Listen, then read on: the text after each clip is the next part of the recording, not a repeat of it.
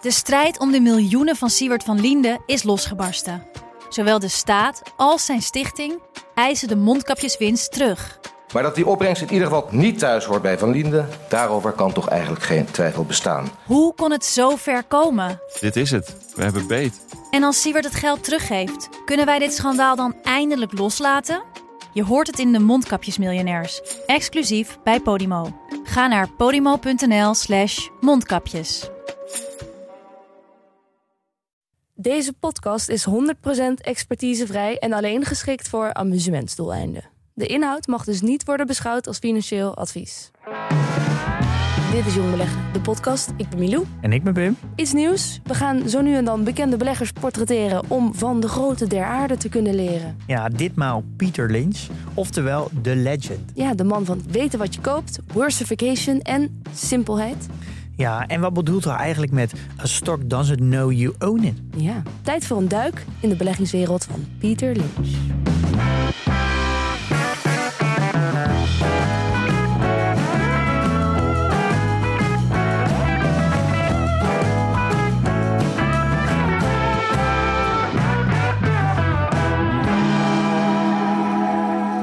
Ja, nieuw jaar, nieuwe kansen. Eh, wij waren wel weer een keer toe aan wat nieuws. Dus doen we het eh, deze keer anders. Deze aflevering staat namelijk geheel in het teken van meesterbelegger Pieter Lynch. Ja, dat is toch wel een van de grootste aller tijden, denk ik, hè Pim? Ja, die hoort wel in het rijtje thuis. Ja, nou e- even over deze man voordat we er helemaal induiken. Ehm geboren in 1944, leeft nog steeds. Heeft zo'n eh, enorm suikerspinachtig kapsel. Eh zo'n hele grote dot wit haar. Nou ja, zo herken je hem meteen. En op zijn 33ste werd hij fondsmanager. 13 jaar later kon hij al met pensioen, omdat hij daar nou ja, gewoon zo goed in was. Hij haalde een jaarlijks rendement van 29,3% per jaar. Over die hele periode, dus 13 jaar lang. Twee keer zo goed als de S&P 500 in die Ja. tijd.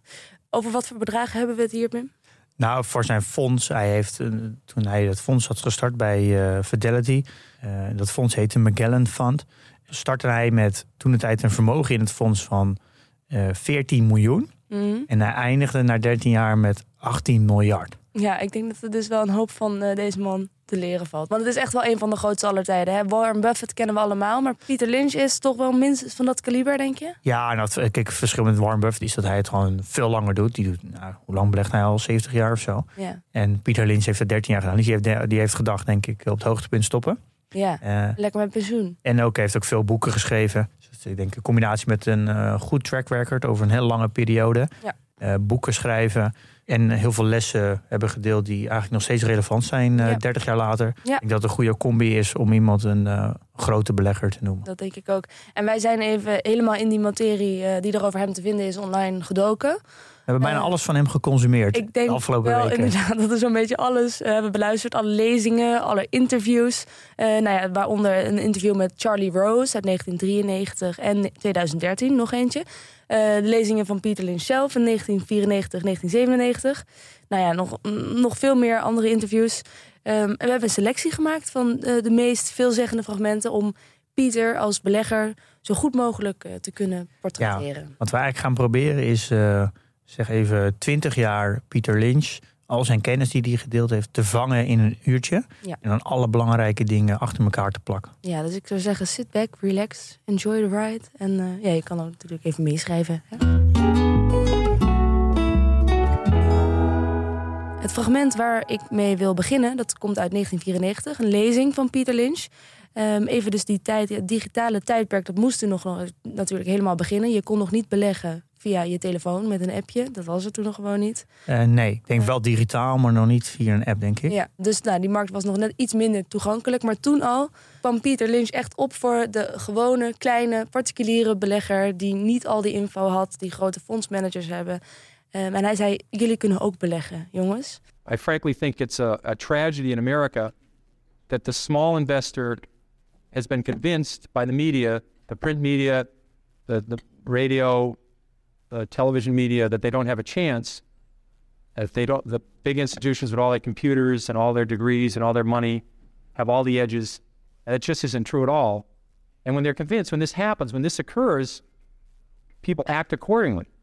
They, when they believe it, they buy stocks for a week and they buy options and they buy the Chile fund this week and next week it's the Argentina fund and, and they get results proportionate to that kind of investing. And that's very bothersome. I think the public can do extremely well in the stock market on their own. I think the fact that institutions dominate the market today is a positive for small investors. These institutions push stocks on usual lows, they push them on usual highs. For someone that can sit back and have their own opinion, know something about the industry, this is a positive. Yeah. hij steekt dus eigenlijk echt een hart onder de riem van gewoon de kleine beleggers. En hij zegt, jullie kunnen dit ook. Ja, hij is altijd wel iemand geweest die, uh, die opkwam voor de retailbelegger. Ja. Uh, en een beetje zich afzetten tegen de, de instituten eigenlijk. Uh, maar waarom? Want hij is zelf natuurlijk ook fondsmanager geweest. Hij, Ja. was, hij was een instituut. Hij, hij bleef het eigenlijk nog steeds wel ook. Ja, maar ik denk dat hij eh, gewoon meer echt een pure belegger is. Echt een, eh, een, ja, vanuit een individu gezien. En hij beheerde dan wel een fonds. Maar ik denk dat hij meer vanuit zichzelf sprak altijd. Eh, In plaats van vanuit het fonds. En, ja. en dan praat je natuurlijk eigenlijk vanuit een individu, vanuit een retailbelegger. En dat, die, ja, die passie deelde hij eigenlijk. Eh, ook hij had ook verteld dat waarom hij met zijn 46 met pensioen ging. Is omdat hij eh, drie keer zo meer uren per week heeft gemaakt. Waardoor hij qua uren wel al eh, met Al pensioen kon. Ja, al klaar was.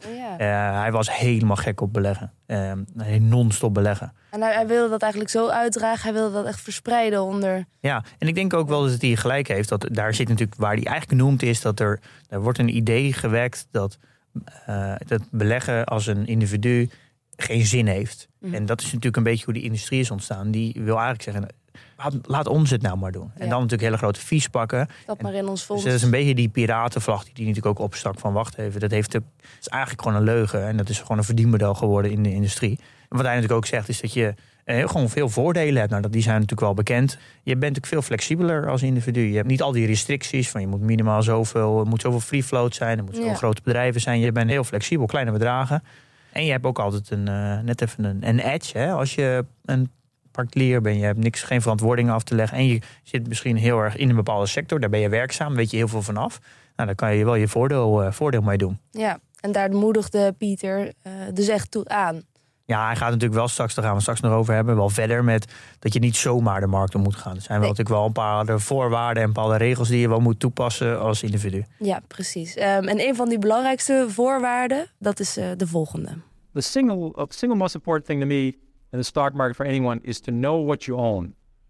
I'm amazed how many people own stocks. They, they would not be able to tell you why they own it. They couldn't say in a minute or less why they own it. Actually, if you really pressed them down, they'd say the reason I own this is the sucker's going up. I mean, that's the only reason. That's the only reason they own it. And if you can't explain, I'm serious, you can't explain to a 10 year old in two minutes or less why you own a stock, you shouldn't own it. Ja, dus hij zegt eigenlijk, als je het niet kan uitleggen in korte tijd, dan moet je het eigenlijk ook niet bezitten. Als je niet snapt wat je hebt. Dat is Nee. zich logisch. Ik denk dat iedereen die al een tijdje belegt, zeg een, eh, een paar, twee jaar, drie jaar, dat die dit echt ervaren hebben. Als er eenmaal volatiliteit in de markt komt en je weet niet wat je bezit, ja, dan, dan, dan krijg je zo'n naar gevoel. Ja, Je kan gewoon niet goed duiden. Je kan niet voor jezelf uitleggen of dit nou een, een tijdelijk iets is, is of dat fundamenteel is. Heb je nou te duur gekocht of niet? Het is allemaal vragen komen er langs. Ja. En ja, dan komt een beetje, er slaat de paniek toe. En ik denk dat dit de allerbelangrijkste voorwaarde is als je in losse aandelen belegt. Is dat je moet wel op een bepaalde manier fundamentele analyse doen. En je moet begrijpen wat je koopt. Je moet een beetje weten, wat tikt het bedrijf nou? Ja. Wat koop ik nou echt? ja en ik, ik snap, hij, hij zegt dit duidelijk omdat hij in zijn omgeving gewoon vaak ziet dat mensen iets kopen waarvan ze denken van, ja, hier gaat iedereen en iedereen is hier laaiend over. Ik snap er geen reet van, maar het zal wel goed zijn. Ja. Hij maakt daarom dit punt van, dat is geen reden om iets te kopen, omdat het aandeel omhoog gaat. Je moet eerst snappen wat je koopt. En hij, hij komt erop terug. Pieter blijkt ook nog wel een grappige man. Ehm, en dan, dan maakt hij deze opmerking. And this is the kind of stock people like to own. This is the kind of company people adore owning. This is a relatively simple company. They make a, a very uh, narrow, easy to understand product. They make a one megabit SRAM CMOS bipolar risk, a 16 dual port memory, a double diffused metal oxide semiconductor monolithic logic chip. It has a 16 bit dual memory, four whetstone megaflop polysilicon emitter, a high bandwidth, that's very important, six gigahertz, double metallization communication protocol, an asynchronous backward compatibility, peripheral bus architecture, a token ring interchange backplane, and it does in 15 nanoseconds of capability. Now, if you own a piece of crap like that, you will never make money. Ja, het is bijna hoe ingewikkelder het klinkt, hoe, hoe liever mensen het dus willen hebben, bedoelt hij hier. Ja, eh, Ja, zeggen. hij is echt een heel groot fan van eh, ja, koop alleen bedrijven die je gebruikt. En vaak zijn die bedrijven heel simpel. En, Ja. eh, dat is ook wel, dat komt een beetje in lijn wat hij net, net zei, dat je het moet kunnen uitleggen aan een tienjarige. Ja, Ehm, en als je wil weten wat je bezit, wat je koopt, ja, is het vaak makkelijker als het simpel is. Want dan kan je het Ja. ook makkelijker begrijpen, helemaal ja, voor een individu. Als je niet een groot team hebt en je hebt geen, niet echt de technische expertise, dan is het helemaal niet handig om hele complexe bedrijven te bezitten. ja. En dat is ook helemaal niet erg, eh, zegt Pieter ook. En hij investeert zelf ook in bedrijven die hij gewoon goed kan begrijpen, zoals eh, Dunkin' Donuts. I made money at Dunkin' Donuts. I, uh, when there was recessions, I didn't have to worry about what was happening. I could go there and people were still there. I didn't have to worry about low price Korean imports. I mean, I just didn't have, I can understand it. And you laugh, I made 10 or 15 times my money in Dunkin' Donuts. Those are the kind of stocks I can understand. If you don't understand it, it doesn't work. This is the single biggest principle. Ja, nou, hij geeft zelf dus het goede voorbeeld. Dunkin' Donuts, op zich niet zo'n heel ingewikkeld concept natuurlijk. Goede koffie en goede donuts proberen ze te maken. En dat, dat, dat, daar zetten ze op in. Ja, en natuurlijk het franchise-model. Dat is Ja. vooral een beetje in die tijd kwam dat natuurlijk heel erg op.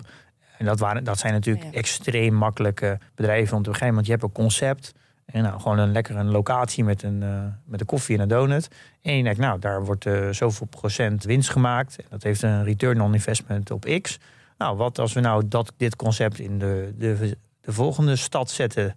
En dan weer in de volgende stad. Nou, Ja. nou, dan hebben we heel Amerika gevonden. Dan gaan we naar Europa toe. Ja, dat is eigenlijk natuurlijk een Dat was toen echt nieuw. Ja, dat, toen, ja, een beetje in die periode kwam dat allemaal Ja. een beetje op. Dan heb je natuurlijk de, de McDonald's en de Burger Kings en zo. En, eh, Ja. eh, heel veel van die ketens natuurlijk. Starbucks is natuurlijk ook een eh, misschien het meest recent voorbeeld. Mhm. Beetje vergelijkbaar met Basic Fit, denk ik, in, in Nederland. Die Ja. doet in principe hetzelfde concept. Ja, heel simpel eigenlijk uit te leggen. Ja. En daar is hij wel echt heel erg een fan van.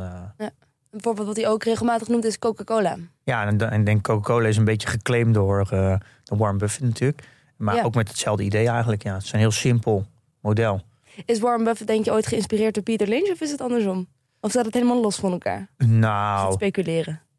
Ja, ik denk dat uiteindelijk ze allemaal wat van elkaar weg hebben. Hm. En heel veel dingen zijn, als je, er, als je wat meer weet over beleggen, vrij logisch. Dus dan is het ook niet heel gek dat ze allemaal een beetje hetzelfde zeggen. Ja, nee, oké, dat is ook zo. Ehm, en waar, waar, Warren, eh, nou, waar, Warren, Ehm, waar Pieter het trouwens het ook over heeft, jij zei het al even, over dat beleggen in je eigen niche, in je eigen werkveld, omdat je daar precies je eigen edge zou kunnen halen. Daar kun je het verschil maken. Hij legt zo- als volgt uit. You need an edge to make money too. People have incredible edges and they throw them away. I'll give you a quick example of uh, Smith Klein. This is a stock that, had Tagamet. Tagamet was doing an amazing job of curing ulcers, and it was a wonderful fill for the company because if you just stopped taking it, the ulcer came back. So it wasn't it been a crummy product it you took it for a buck and it went away, but it was a great product for the company. But you could have bought it two years after the product was on the market and made five or six times your money. I mean, all the druggists, all the nurses, all the people, millions of people saw this product. And they're out buying oil companies, you know, or drilling rigs, you know. It happens. I think of people, if you'd worked in the auto industry, let's say you're an auto dealer the last 10 years, you would have seen Chrysler come up with a minivan. You've seen, if you're a Buick dealer, a Toyota dealer, a Honda dealer, you would have seen the Chrysler dealership packed with people. You could have made 10 times your money on Chrysler a year after the, the minivan came out. Ford introduced the Taurus Sable, the most successful line of cars in the last 20 years. Ford went up sevenfold on the Taurus Sable. So if you're a car dealer, you only need to buy a few stocks every decade. When your lifetime's over, you don't need a lot of five baggers to make a lot of money, starting with $10,000 or $5,000. So in your own industry, you're going to see a lot of stocks. And that's what bothers me. There are good stocks out there looking for you, and people just aren't listening, and they're just not watching it. And uh, they have incredible edges. Ja, nee, dat klopt natuurlijk volledig. Ja, ik denk dat als je dat combineert met een klein beetje kennis van beleggen, dus je jezelf op een acceptabel niveau brengt en gewoon eh, ja, met die bril dagelijks gewoon even ook naar je industrie kijkt. eh, dat kan natuurlijk vrij passief. eh, dan kan je eigenlijk je soort van je edge, je, dingen die je ziet veranderen in je industrie, misschien wel omzetten in een goede belegging. Ja, je moet gewoon in, even die, jezelf die blik aanmeten, dat je Ja. het vanuit dat perspectief gaat zien. Ja. Want anders mis je gewoon informatie die je anders heel goed eh, mee had kunnen misschien een beetje, ik, voor mij is dat een beetje vergelijkbaar. ehm, als ik nu dan terugwerk, dacht ik heel makkelijk. Maar Eh, er zijn twee momenten geweest dat ik echt eh, nou, zwaar onder de indruk was van toen ik voor het eerst een product gebruikte. En dat was één de iPhone. Mhm. Nou, daar ben ik echt helemaal van weggeblazen toen ik van een Nokia naar een iPhone ging. Eh daar kan ik me nog zo goed herinneren. Ik was toen helemaal niet aan beleggen. Maar dat zou voor mij een moment zijn geweest van... Nou, dit is, ik ben er zo blown away door. Ja. Hier moet ik misschien wat mee. En een ander moment eh, was de Tesla eh, die ik had. In, eh Ja. Dat was in 2014, 15. Daar was ik ook zo van onder de je indruk. dacht, die auto wordt telkens slimmer. Elke keer Ja, dat was voor mij echt een momentje. Dat was echt een moment van, nou, Ja. dit is zoiets anders wat ik hiervoor heb meegemaakt. Ja, precies. Dus wat, wat dan eigenlijk zegt, jij, jij hebt een achtergrond in de, in, de, in de software en in de technologie. Je had gewoon dan naar jouw gevoel op dat moment moeten luisteren van dit is echt iets speciaals. En daar dan, Nou, daar had ik, daar had Wat ik mee wat kunnen mee kunnen doen. Of, Ja. Maar ik had toen geen kennis van beleggen. Dus Nee, ik kon dat niet soort van niet verzilveren. nee, maar het gaat Ja. dus uiteindelijk om het, het luisteren naar dat gevoel. Ja, wat je, wat en dan dat is iets wat, wat je denk ik heel erg eh, waar je edge kan zitten. Dat je iets voelt van hé, hey, dit is zo anders. Dit is, herken jij als eerste omdat je actief bent in die industrie. eh, dat je er dicht op zit. En dan zou je daarna moeten luisteren en, en dat moeten kunnen vertalen naar is het misschien ook een interessante belegging. Maar Ja. dat, dat gevoel, die intuïtie, die moet je volgen. Ja. Dat is eigenlijk waar Pieter Lins het over heeft. Wat ik wel grappig vind, hij, hij toont zich bijna emotioneel betrokken bij eh, de gewone particuliere belegger. Omdat hij zegt, hij ziet echt van dat het vaak gewoon niet gebeurt. En dat vindt hij zo zonde. En dat hoor je echt. Nou, het voelt een beetje, dat, dat is, wat soms dat gevoel heb ik, dat als je eenmaal snapt hoe beleggen werkt en je hebt een soort van toegang tot de markt, dan, ook al ben je bijvoorbeeld heel passief aan het beleggen, is, is toch dat je een soort van altijd een, een, een lot hebt. En met het idee dat je, dat je altijd aan de zijkant staat, maar mo- moment dat je iets spot en, het, en er echt van overtuigd dat je altijd mee kan doen. Zo, Ja, het, het voelt altijd een soort van wildcard die je in je, in je broekzak hebt. ja de, de kans die is er. Je hoeft hem alleen maar... Ja, je moet alleen te wachten, raken. geduld hebben. En, Ja. eh, en dan, als je, als je iets tegenkomt, weet je in ieder geval dat je hem zou kunnen Ja. verzilveren. En dit haakt natuurlijk ook weer aan bij eh, snappen wat je bezit. En die edge hebben, je eigen werkveld gebruiken. Dan weet je weer beter Ja. wat je hebt. Ehm, en wat daar ook natuurlijk bij hoort, is heel goed je eigen onderzoek doen. Het eigen research naar dat bedrijf. En daar benadrukt Pieter ook heel erg het belang van. I made 10 or 15 times my money in Dunkin' Donuts. Those are the kind of stocks I can understand. If you don't understand it, it doesn't work. This is the single biggest principle. And it bothers me that people are very careful with their money. The public, when they buy a refrigerator, they get a consumer reports, they buy a microwave oven, they do that. They ask people what's the best kind of radar range or, they, or what kind of car to buy. They do research on apartments. When they go to when they go on a trip to Wyoming, they get the mobile travel guide, or California. When they go to Europe, they get the Michelin travel guide. People will hear a tip on a bus on some stock, and they'll put half their life savings in it before sunset, and they wonder why they lose money in the stock market. And when they lose money, they blame it on the institutions that program traded. That is garbage. They didn't do any research. They bought a piece of junk. They didn't look at the balance sheet, and that's what you get for it. And that's where we're being driven to, and it's self fulfilling. The public does terrible investing, and they, they say they don't have a chance. It's because that's the way they're that's the way they're acting. I'm trying to convince people there is a method. There are reasons for stocks that go up. Uh, Coca-Cola, this is very magic. It's a very magic number. Easy to remember. Coca-Cola is earning 30 times per share what they did 32 years ago. The stock has gone up 30-fold. Bethlehem Steel is earning less than they did 30 years ago. The stock is half its price of 30 years ago. Stocks are not lottery tickets. There's a company behind every stock. If a company does well, the stock does well. It's not that complicated. Ja, dit zei hij in 1994. Hij is echt verbaasd hè, dat mensen zo verschillend met geld omgaan. Dat je een, wel een ijskast en een auto koopt, dat je daar goed bekijkt van oké, wat koop ik precies? Ja. Maar dat ze de, eh, de, de aandelenmarkt gebruiken als een soort loterij. Ja, dat, dat gebeurt nog steeds hoor. Ik heb natuurlijk zoveel verschillende beleggers gesproken de afgelopen jaren. Ik ben, ik ben echt verbaasd over dat mensen met, van oudere mensen, soms met gewoon met miljoenen portfolio's, gewoon een, een artikel lezen en daar staat onderaan koop. En dan gewoon Dat doen. 10% positie nemen. Dat gaat over tonnen. Ja, ik, ik ben daar echt ook verbaasd. Het gebeurt.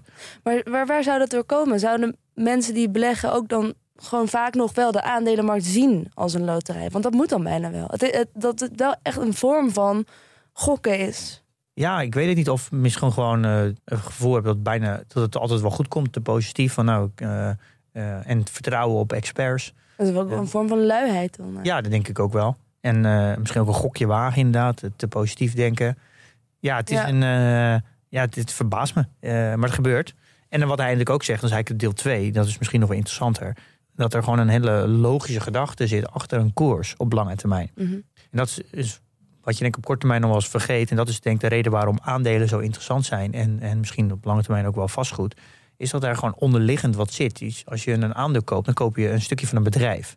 Dus je, er zit onderliggende waarde onder. En dat onderliggende waarde, dat kan je zien of het winst maakt of niet. Ja. En als dat, wel in het voorbeeld van Coca-Cola, een winst laat stijgen, in een, der, een 30 keer meer winst maakt over een lange periode, dan is de kans heel groot dat de aandelenkoers ook gewoon die winst volgt. Ja. En dat is denk ik, een- dat is denk ik de, de kracht van aandelen versus alle andere assetklasses. Want daar zit helemaal niks onderliggends en dat is vaak speculeren. Ja. Kan prima werken, maar op een lange termijn werkt dat gewoon minder goed. Ja. En daarom werken aandelen zo goed.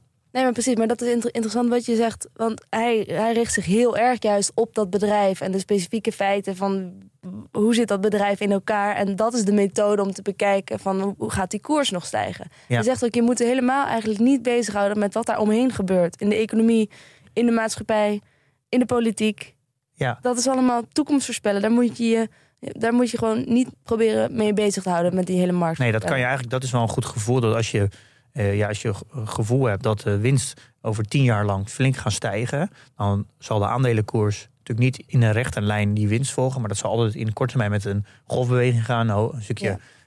eh, te veel geprijsd, een keer eh, ondergeprijsd, maar op lange termijn zal die lijn gewoon de winst volgen. En dat is. ik denk dat gegeven is denk de reden waarom beleggen in aandelen zo fijn is. Is dat als je de tijd aan je zijde hebt en de winsten blijven door, komt het altijd goed. En je hebt een goed bedrijf natuurlijk. Laten we even Ja, horen. maar als de winsten stijgen, dan kan je wel, dan heb je in principe een goed bedrijf, denk ik.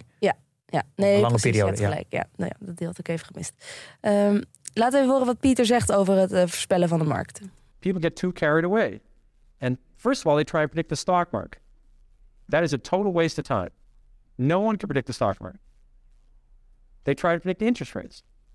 If anybody could predict the interest rates right three times in a row, they'd be a billionaire. Considering there's not that many billionaires on the planet.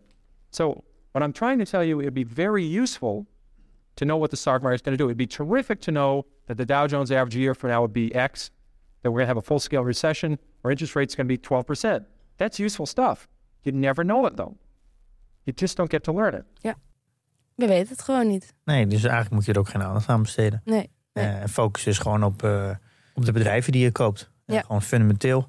Ja. En daarom hebben we het natuurlijk al eens eerder over gehad. Daarom zijn eigenlijk al heel veel content dat je consumeert. Het gaat vooral over eh, macro. Is vaak duiden wat er gebeurd is. Helemaal niet vooruitkijkend. Ja. Dus daar heb je eigenlijk helemaal niks aan. Dat is ook wat wij wel regelmatig concluderen, toch? Hè? Wat wat er in de krant staat, laat het je niet beïnvloeden. Het is allemaal vaak al gebeurd. Het is Eh, duiden van wat er gebeurt. Het is een krant natuurlijk per definitie. Ja. Dus het heeft eigenlijk niet zoveel zin. And there's a 100% correlation with what happens to a company's earnings over several years and what happens to the stock. If the company, McDonald's, has done very well as a company, right, the stock has done very well. People worry about too much money supply, what's happened to the price of oil, whether who's the president, who's being nominated for the Supreme Court. It's all the ozone layer. It has nothing to do. McDonald's earnings go up the next 10 years, the stock will go Yeah, up. but what they will say to you, Peter, is that, as you know, and why am I telling you this? But maybe it's fun to tell you this. They're telling you that these other things influence the amount of earnings of a particular company. Yeah. If we're in a recession, people are not going to spend as much money on going to the movies or whatever they do. Right, right. And and therefore, you got to pay attention to these other things because they impact on earnings. They are very important, but you have no idea of knowing what they're going to do. Alan Greenspan's the head of the Federal Reserve. Right. He cannot predict interest rates. Yes. He'd be the first to tell He can influence them, but he can't predict them. He cannot predict what long-term interest rates are going to be one year from now, two years from now, three years. He's even surprised how low they are now. So how am I supposed to predict interest rates? How am I supposed to predict the economy? You certainly remember the recession of 82. Yes. 1982, we had a 20% prime rate, 14% unemployment, 12% inflation. I don't remember anybody telling me in 1980 or 81 that was going to happen. All of a sudden, we had the worst recession since the Depression. I didn't read about it in the paper. So it's crazy to think about these things. Dit is natuurlijk een heel mooi stukje. Dat, dit is eigenlijk een soort van de gemiddelde belegger. In de vorm van de interviewer. En dan de, de grote belegger. En ja, op korte termijn heeft hij natuurlijk gelijk. Het, het beïnvloedt het- misschien de winst en de omzet. Ja. Maar daar, daar, daar gaat het helemaal niet om. Dan ben je natuurlijk gewoon aan het, eh, met een skippiebal aan het rondspringen. Dit is de kern natuurlijk van beleggen, denk ik. eh, vooral op de lange termijn. Je moet gewoon veel verder kijken. En, en over al die, die korte termijn recessies, eh, renteverhoging, inflatie heen kijken. Ja, laat het je niet zo... eh, En juist die momenten gebruiken. Ja, je moet niet laten meeslepen. Ja, En inderdaad er gebruik van maken. Daar zegt hij straks ook nog iets leuks over. Ehm, nog even dus om het in je oren te knopen. So I've always said if you spend 14 minutes a year in economics, you've wasted 12 minutes. And I, I, I, really believe that. dit is ook de reden waarom economen geen goede beleggers zijn. Weer eens te meer bewezen. Dankjewel, Pieter Lynch. Maar wat hij wel dus belangrijk vindt om naar te kijken... is natuurlijk naar de bedrijven zelf. Maar hij zegt dat we ook wel dingen te leren hebben van de geschiedenis. But you should study history. And history is the important thing you learn from. What you learn from history is the market goes down. It goes down a lot. The math is simple. There's been 93 years a century. This is easy to do. The market's had 50 declines of 10% or more. So 50 declines in 93 years. About once every two years, the market falls 10%. We call that a correction. That means that's a euphemism for losing a lot of money rapidly, but we, we call it a correction. And uh, uh, so 50 declines in 93 years, about once every two years, the market falls 10%. Of those 50 declines, 15 have been 25% or more. That's known as a bear market. We've had 15 declines in 93 years. So every six years, the market's going to have a 25% decline. That's all you need to know. You need to know the market's going to go down sometime. If you're not ready for that, you should own stocks. And it's good when it happens. If you like a stock at 14 and it goes to six, that's great. You understand the company, you look at the balance sheet, they're doing fine. You're hoping to get to 22 with it. 14 to 22 is terrific. 6 to 22 is exceptional. So you take advantage of these declines. They're going to happen. No one knows when they're going to happen. It would be very, people tell you about it after the fact that they predicted it, but they predicted it 53 times. And uh, so you can take advantage of the volatility in the market if you understand what you own. Yeah. you can take advantage of de volatiliteit als je snapt Ja, wat je bezit. ja, maar dat is waar we eigenlijk mee begonnen. Als je weet wat je, wat je bezit, dan, zijn, dan is eigenlijk die bewegelijkheid is natuurlijk eigenlijk een zegen. Want dan, dan weet je, kan je gewoon inschatten, ja, dit is echt sentiment, dit is overdreven. Ja, en dan komen er ook mooie momenten om weer... Dan zijn te een mooi kopen. moment om bij te kopen. Ja. Dus- I, I love volatility, zegt hij ook. Hè? Ja, volledig, ja. En ik denk dat, ja, ik- iedereen denkt dat elke belegger dit, ik heb dat zelf ook ervaren. Eh, toen Adyen en ASML naar beneden gingen, ja, dat was natuurlijk feest. Want ja, die bedrijven ken ik. Maar bedrijven die ik wat minder goed ken, ja, daar word je gewoon angstig van. Daar Ja. ga je twijfelen. Dat is, en ik denk dat daar het onderaan de streep, als je op lange termijn aan het beleggen bent, dan zal je denk ik in de eerste jaren heel veel leren. De marktdynamiek en gewoon, gewoon pure kennis. Maar iets wat gewoon oneindig leren is, is weten wat je koopt. Ja. Want dat blijft een fundamentele analyse. Moet je up-to-date houden. En er blijven elke nieuw bedrijf. Dat is een soort van eh, eindeloze loop die je door moet. Ja, En ik denk ook dat op, voor de lange termijn belegger, voor de, voor de retailbelegger, dat daar de grootste uitdaging in zit. Dan denk ik, hoe kan je meer geholpen worden? Of hoe kan je het zo organiseren dat je met de relatief beperkte tijd constant die loop van die fundamentele analyse kan blijven doen. Ja.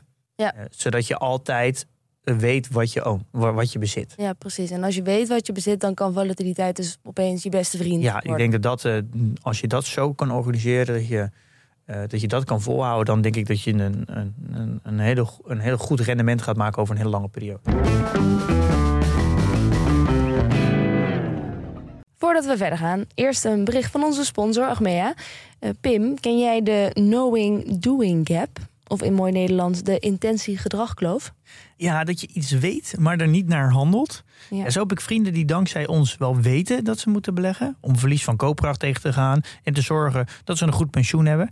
Maar er toch niet naar handelen. Nee, dat blijkt toch lastig, hè? En of breder dan beleggen vlees eten. Ik hoor mensen vaak zeggen, ja, het is wel beter voor de planeet... en minder dodelijk voor de dieren. Maar als er dan een menukaart met een hamburger eh, met bacon voor je ligt... ja, dan wordt dat voor het gemak toch vaak wel weer vergeten. Ja, woorden verliezen nogal betekenis als je er niet naar handelt. Ja, het zou wel een stuk helpen als je in een omgeving zit... waar ander gedrag gestimuleerd wordt. En dat denken ze ook bij Achmea. Daarom zijn ze met zo'n 13.000 collega's vast begonnen... om goede intenties om te zetten in goed gedrag. Zo werken ze daar aan oplossingen voor grote maatschappelijke vraagstukken. Ja, ze gaan bijvoorbeeld voor minder verkeersslachtoffers, gezonde werknemers, duurzame woningen en meer. Ja, dus nou, geen woorden, maar daden. Waar ga jij voor? Check de vacatures op werkenbijachmea.nl. En nu weer verder met de podcast. Tot zover even een beetje de algemene eh, lessen van Pieter voor nu. Laten we even naar eh, nou ja, de strategie die hij zelf eh, hanteerde en hanteert. Want hij leeft nog. Tenminste, ik denk dat hij nog belegt, of niet?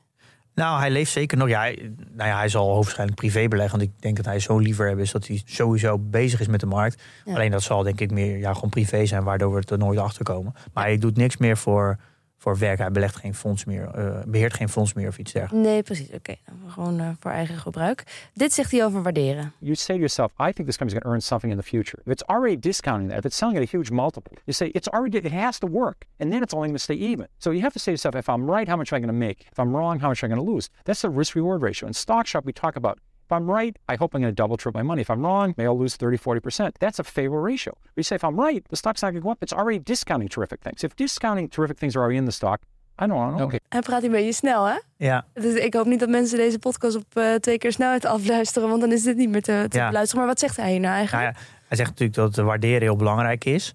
Eh, met eigenlijk de reden erachter dat als, als jij eh, verwacht dat het bedrijf de komende vijf jaar met 30% omzetgroei gaat maken tegen die marge.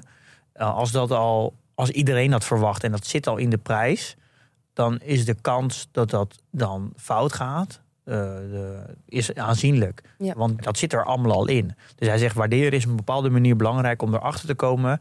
Wat is mijn risk-reward verhouding?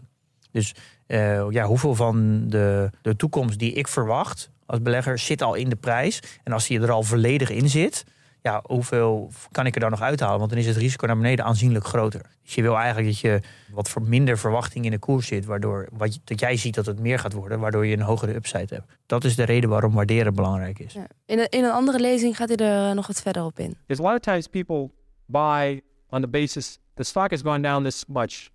How much further can it go down? I remember when Polaroid went from 130 to 100, people said, here's this great company, great record.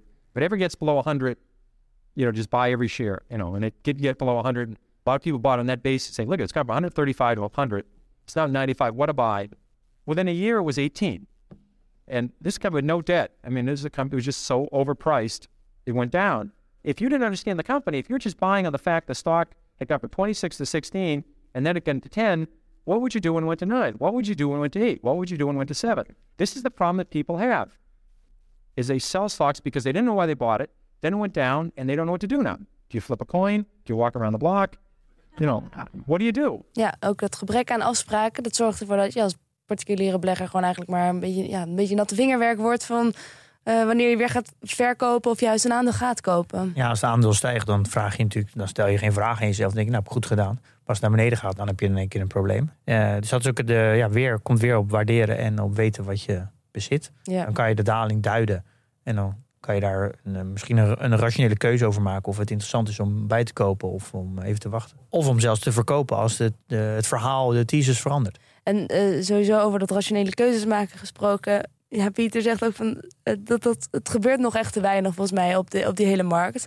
Want eh, nou, hier, hier deelt hij ook een, een ervaring die hij daarmee heeft. Here's another one you hear all the time. It's three dollars. How much can I lose? I've had people call me up saying, "I'm thinking of buying this stock at three. How much can I lose?" Well, again, you may need a piece of paper for this, but if you put down, if you and if you put twenty thousand dollars in the stock at fifty, or your neighbor put twenty thousand at full at fifty into the stock, and you put twenty thousand dollars in at three, and it goes to zero, you lose exactly the same amount of money. Everything. If people say it's free, how much can I lose? Well, if you put a million dollars on it, you can lose a million dollars. Just the fact that stock, this is the only, this may be a reason to research a stock.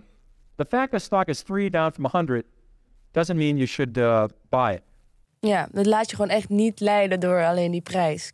Kijk ja, gewoon, een, gewoon kijk eigenlijk niet naar koers. Eh, die ankering van koers ja, heeft gewoon geen zin. Wat kan ik verliezen? Ja, alles. Ja, nou ja, of hoe ver die ook gezakt is, ook al is die 95% gezakt, dan kan het aandeel nog steeds 100% verder zakken. Ja, ja. Ander strategiepuntje, eh, spreiding. Hij heeft een sterke mening over diversificatie in een portfolio. I don't believe in diversification at all. Diversification is a big mistake. I call it diversification. But uh, you buy this thing that might balance this other thing, and they both go down. Uh, I had enough questions. I had enough questions to come at your 50th annual conference here right now, group. I think we had there enough far before. Thank you very much. Well, that's a pretty good one. So I don't believe in diversification at all. I would own one stock. But what I do believe in is if I find 10 good stories, they're all equally attractive, I buy all 10 and I wait to see them unfold. It's like watching 10 poker games, 10 games of stud poker. You watch the cards turn over. Story three gets better. Story six slips. Story seven stays the same, but it goes up 50%. You sell seven and buy two. That's all I do. So if they're equally attractive, I buy all 10. Then gradually some story says, oh my God, this is getting better and better. And guess what? The stock just went down. So you keep watching 10 stories and magically, because of that rule of stocks going up and down a lot, load up. Ja, hier heb ik toch een beetje je duiding bij nodig, Pim. Wat zegt hij nou eigenlijk? Want hij zegt, spreiding is eigenlijk niet goed. Maar op welke voorwaarden niet? Ja, je moet dit wel een beetje zien tussen theorie en praktijk. Want in de praktijk heeft hij natuurlijk nooit één aandeel gehad in zijn portefeuille. Sterker nog, volgens mij heeft hij in zijn, in zijn de, het fonds wat hij beheerde, volgens mij echt over meer dan duizend aandelen gehad. Ja, dat is een Eh, aardige spreiding, zou je zeggen. Eh, dus, en ik denk dat bijna alle grote beleggers zeggen dit. Dat eh, heel veel spreiden eigenlijk geen zin heeft. Maar bijna alle grote beleggers hebben heel veel aandelen. ja, Ehm, dan kun je ook bijna niet anders dan spreiden. Maar dan gaat het niet om het spreiden misschien. Of wat zit hierachter? Nou, de, de, theorie is natuurlijk, dat, die klopt ook wel. Dat, je hebt natuurlijk niet 50 goede ideeën. Daar komt het natuurlijk een beetje vandaan. Dat als je een goed idee hebt, moet je daar gewoon wel voor gaan. Daar komt het natuurlijk een beetje vandaan. Alleen, je hebt natuurlijk altijd het risico dat je altijd dingen over het hoofd ziet. Of er kunnen dingen veranderen. Dus een vorm van spreiden is altijd goed. Dus ik, ik neem dit nooit zo heel serieus. Eh, het, idee, Nee. het idee is natuurlijk wel dat je, als je 20 aandelen hebt, dat je natuurlijk nooit alle 20 even aantrekkelijk zijn. Dus je zou wel kunnen spelen met allocatie. Om bepaalde bedrijven waar je meer kansen ziet om daar een grotere allocatie aan te geven. Maar het idee dat je het naar één of twee aandelen gaat in je portefeuille, zou ik niet doen. Nee, hij zelf doet dat ook niet. Nee, theoretisch eh, klopt het natuurlijk. Want dan, ja, als je Als het helemaal- goed gaat, dan... Ja, maar ik zou dat, zou dat never doen. Want dat verlies wat je... Ook, je hoeft maar één keer zo'n foutje te maken. En dat verlies... En je gaat echt een, go- een goed de Pieterbrug op, dan maak je dat nooit meer goed. Nee, Dus ik zou dat, zou het sowieso nooit doen. Ja. Ehm, maar het idee is wel, wat hij zegt, als je tien goede ideeën hebt, ja, dan moet je ze gewoon alle tien spelen. Eh, en kijk even hoe dat uitpakt. En als er bepaalde ideeën aantrekkelijker worden, ja, ga daar dan iets meer op inzetten. Mhm. Dat is een beetje dat herbalanceren in je portefeuille. Ja. Dat is op zich een goed advies, denk ik. Dus we hoorden hem hier over waarderen en over spreiding in zijn portfolio. Wat zou jij nou concluderen over Pieter, zijn, eh, ja, zijn, zijn beleggingsstrategie? Wat voor belegger is hij? Nou ja, ja, dat is wel een goede vraag. Hij staat vooral bekend om zijn, zijn GARP eigenlijk. Dus eh, Growth at a Reasonable Price. Daar staat hij wel voornamelijk bekend. Of in ieder geval, dat heeft hij een beetje eh, groot gemaakt. Ehm, hij was wel een voornamelijke voorstander van groei. Maar wel winstgroei en niet zozeer omzetgroei. Hij was geen fan van bedrijven die geen winst maakten. Dus daar zit wel een beetje alweer een scheiding. Maar in veel boeken die hij geschreven gaat het heel erg over een, eh, ja, een echt een portfolio-strategie met meerdere type aandelen van turnarounds en eh, langzame groeiers en wat meer snelle groeiers. Ja. Dus het, het idee dat hij een, heel weinig aandelen had, dat klopte eigenlijk gewoon niet. Nee. Ook niet met in, in de praktijk en ook niet wat er in zijn boeken staat. Eh, dat hij altijd best wel een, spreiding had over verschillende type aandelen, ook met een verschillende filosofie kocht. En dat hij denk ik wel in bepaalde momenten misschien heel goed was in het herbalanceren waar de meeste kansen lagen. Dat het gewicht heel goed verdelen in zijn Ja. portefeuille. Eh, maar ik denk, in principe wat hij natuurlijk allemaal vertelt, eh, een soort van de weten wat je bezit en, vallen en waarderen en zo. Dat kan je natuurlijk in principe in elke strategie toepassen. Het zijn Ja. natuurlijk zulke algemene beleggingslessen die, of je nou turnarounds belegt of cyclische aandelen of value of iets, eh, ja, zeg, misschien eh, gewoon gemiddelde groeiers. Dan, dan kan, je kan het overal in toepassen. Andere opvallende opmerking van Pieter Lynch die ik tegenkwam, die gaat over voordelen die we als beleggers nou, allemaal hebben. Of in ieder geval Pieter denkt dat we die allemaal hebben. Eh, als het gaat om het selecteren van de bedrijven waarin we willen beleggen. people have all these biases, all these prejudices. They want to buy high growth industries. They won't buy financial companies. They won't buy savings and loans. They won't buy uh, companies that start with the letter R. I mean, you know, there's all these rules. They all hurt you. There are great stocks everywhere. There are stocks that are near bankruptcy, stocks in bankruptcies, stocks about to go in bankruptcy. There are companies on the new high list that are attractive. This company's on the new low list. They're all over the place. They're in growth industries, non-growth industries. Don't cut yourself off to one segment. People have way too many prejudices, too many biases. En waarom denk je dat hij dat zo'n probleem vindt? Dat we voordelen hebben over wat we wel en niet willen kopen?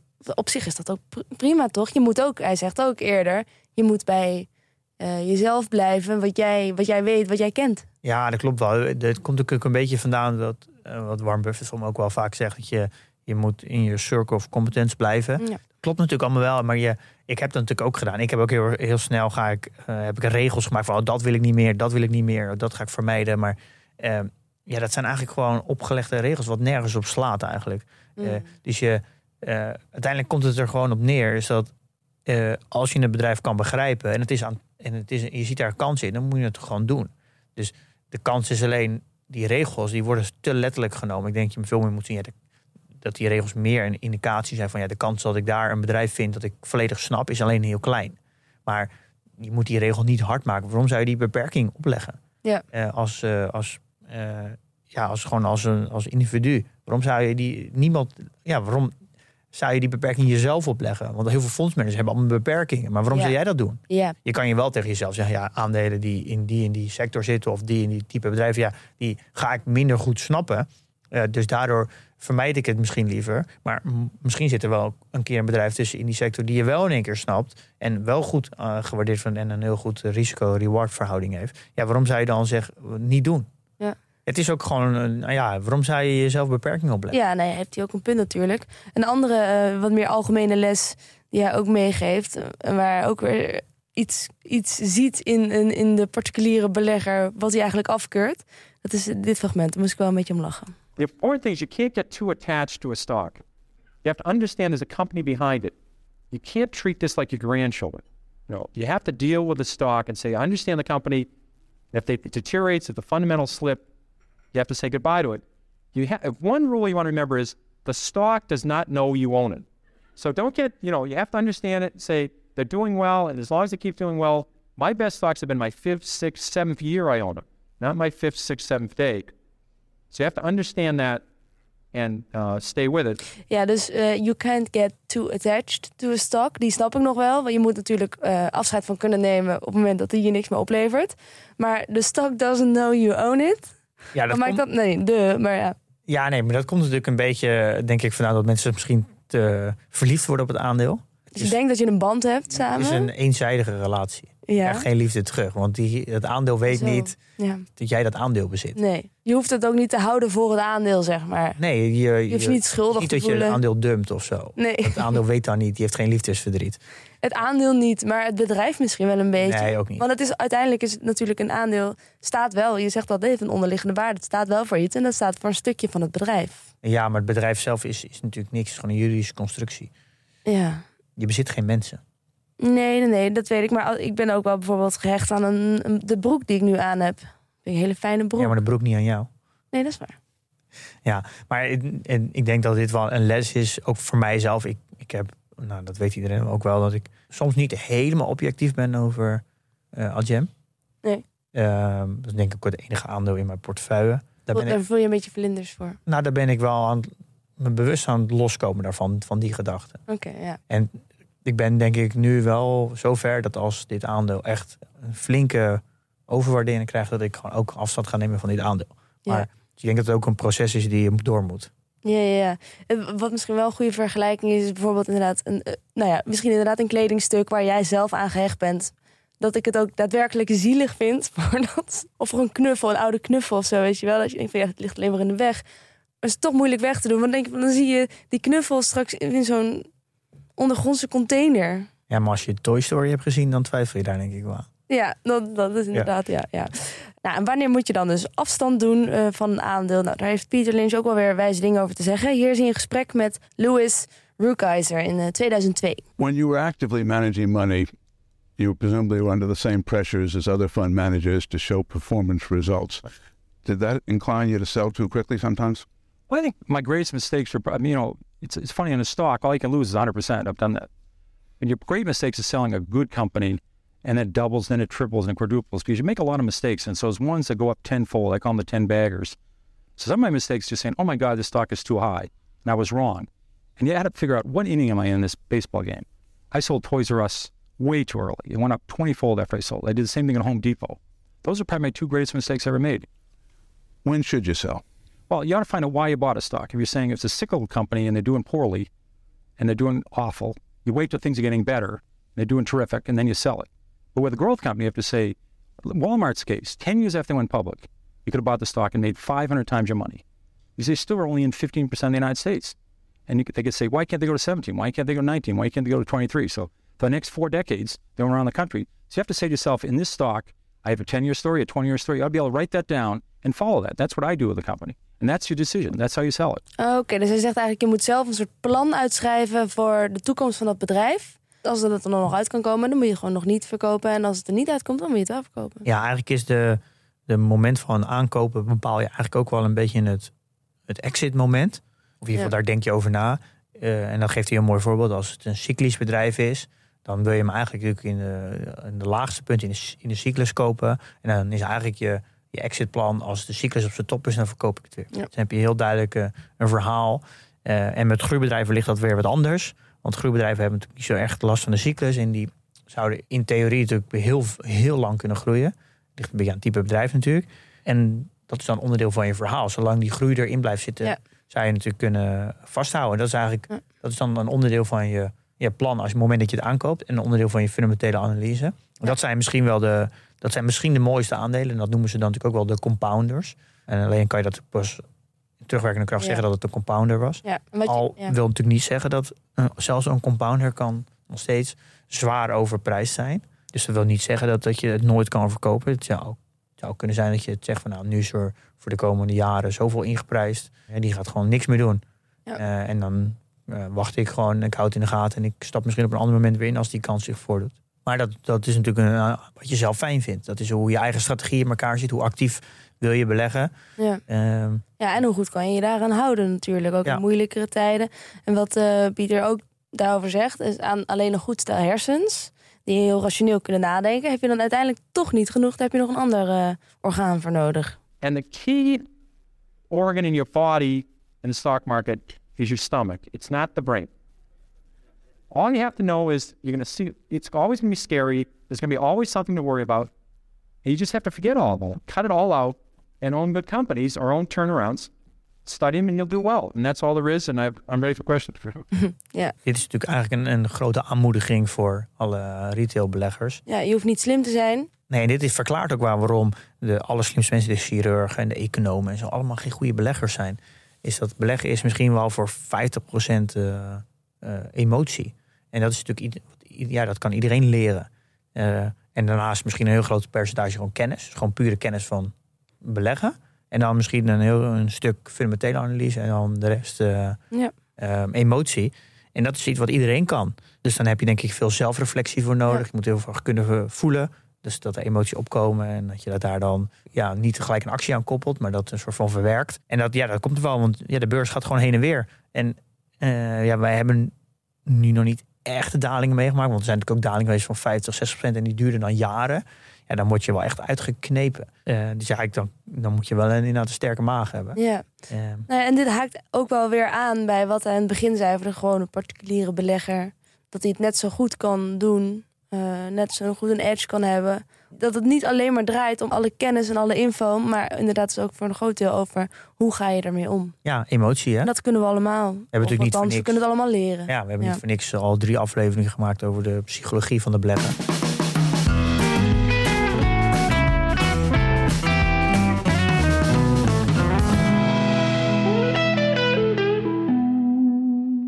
Nou, dan rijst natuurlijk de vraag: hoe goed eh, doet Pieter het zelf? En wanneer doe je het nou uiteindelijk eh, als belegger goed?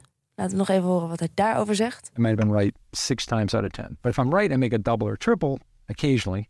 It offsets the times you lose 30 or 40%. In fact, you could be right a third of the time as long as you have a lot of good re- results. So when you're short, you can only make 90%.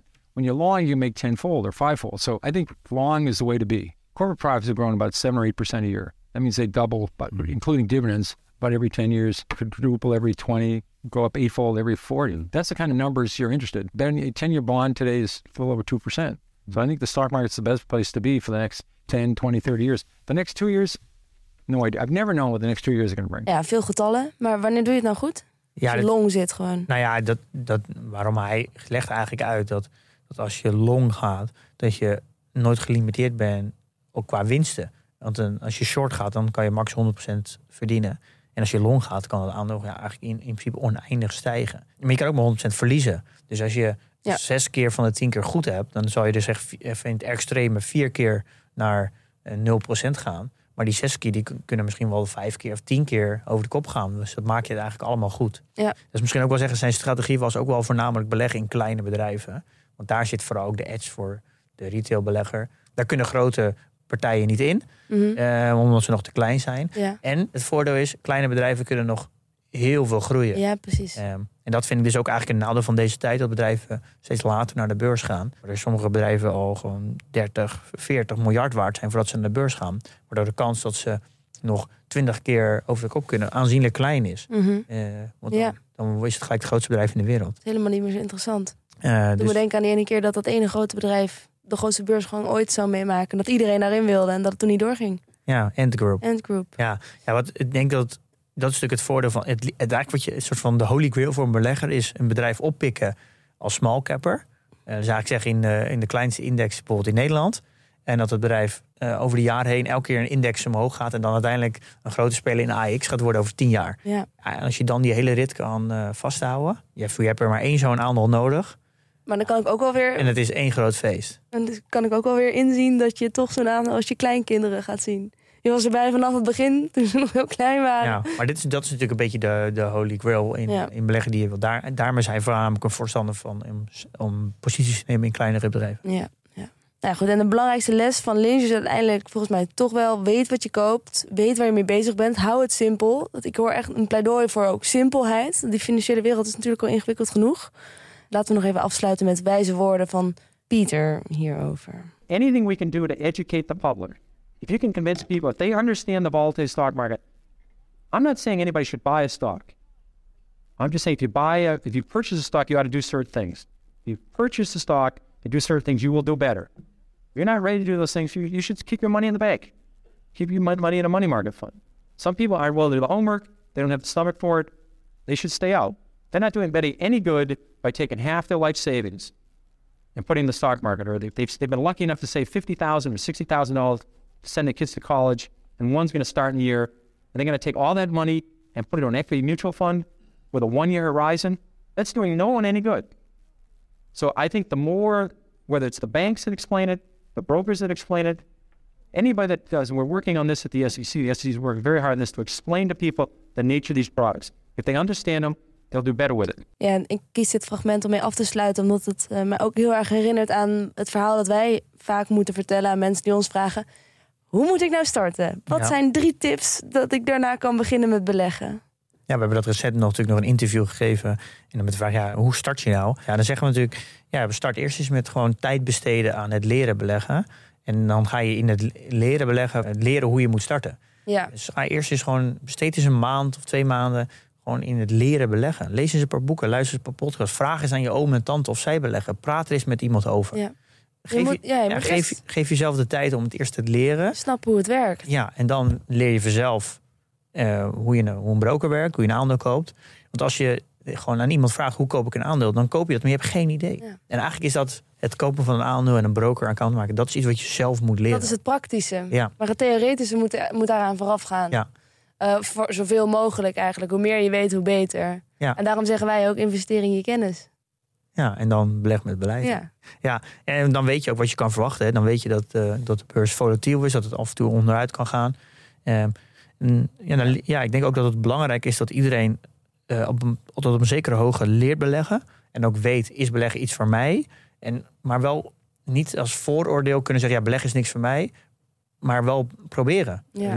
En ook goed kunnen onderbouwen waarom het dan niks voor jou is. En eh, ik denk, ik ben ervan overtuigd dat als je eenmaal snapt hoe beleggen werkt, hoe compound interest werkt, hoe de beurs werkt, dat je, dat je daar niet aan mee wil doen. Dat, dat, dat snap ik dan niet. Nee. Dat, dat kan, er is geen, letterlijk geen goede reden om er niet aan mee te doen. Precies. Is, want we hebben een heel mooi alternatief en dat Ja. is een ETF. En ik denk dat voor de keuze neer is, ga je passief of actief of misschien een combinatie daarvan. Ehm, ja, en wij zeggen dat natuurlijk heel vaak. Maar nu horen jullie het ook eens van een ander. Pieter Lynch. In dit Ja. geval. Dus, eh, ik ben heel, ja, ik heb heel erg genoten en hoop, hoop van hem geleerd om, om hem zo te bestuderen. Ja. Eh, ja, ik kijk eigenlijk al uit naar de volgende grote belegger. Eh, ik ben ook heel benieuwd wat jullie ervan vinden. Dus la- laat ons ook even weten. Heb je een beetje begrepen wat die Pieter nou eigenlijk helemaal bedoelde? Hij praatte soms wel een beetje snel, vond ik. Maar Ik neem aan dat al deze interviews ook gewoon in de show notes terechtkomen. Ja, je kan ook een stuk lezen over hem. En we hebben een soort van de 20 gouden regels die hij, die hij heel vaak heeft verteld. Die hebben we onder elkaar gezet. En wat linkjes naar interviews. Dus je kan daar eh, je lol mee op. Ja, En boeken ook. ook dat nog. Nou goed. Wie is de volgende? Willen we dat al verklappen? Ehm, dat weet ik nog niet. Ik heb een heel lang lijstje. eh, Van grote beleg? ja, ehm, nee, dat ja, weet ik eigenlijk nog niet wie de volgende is. Dan zien we dat dan wel. Ja? En dan sluiten wij natuurlijk zeker vandaag af met de tekst... Investeer in je kennis en beleg met beleid.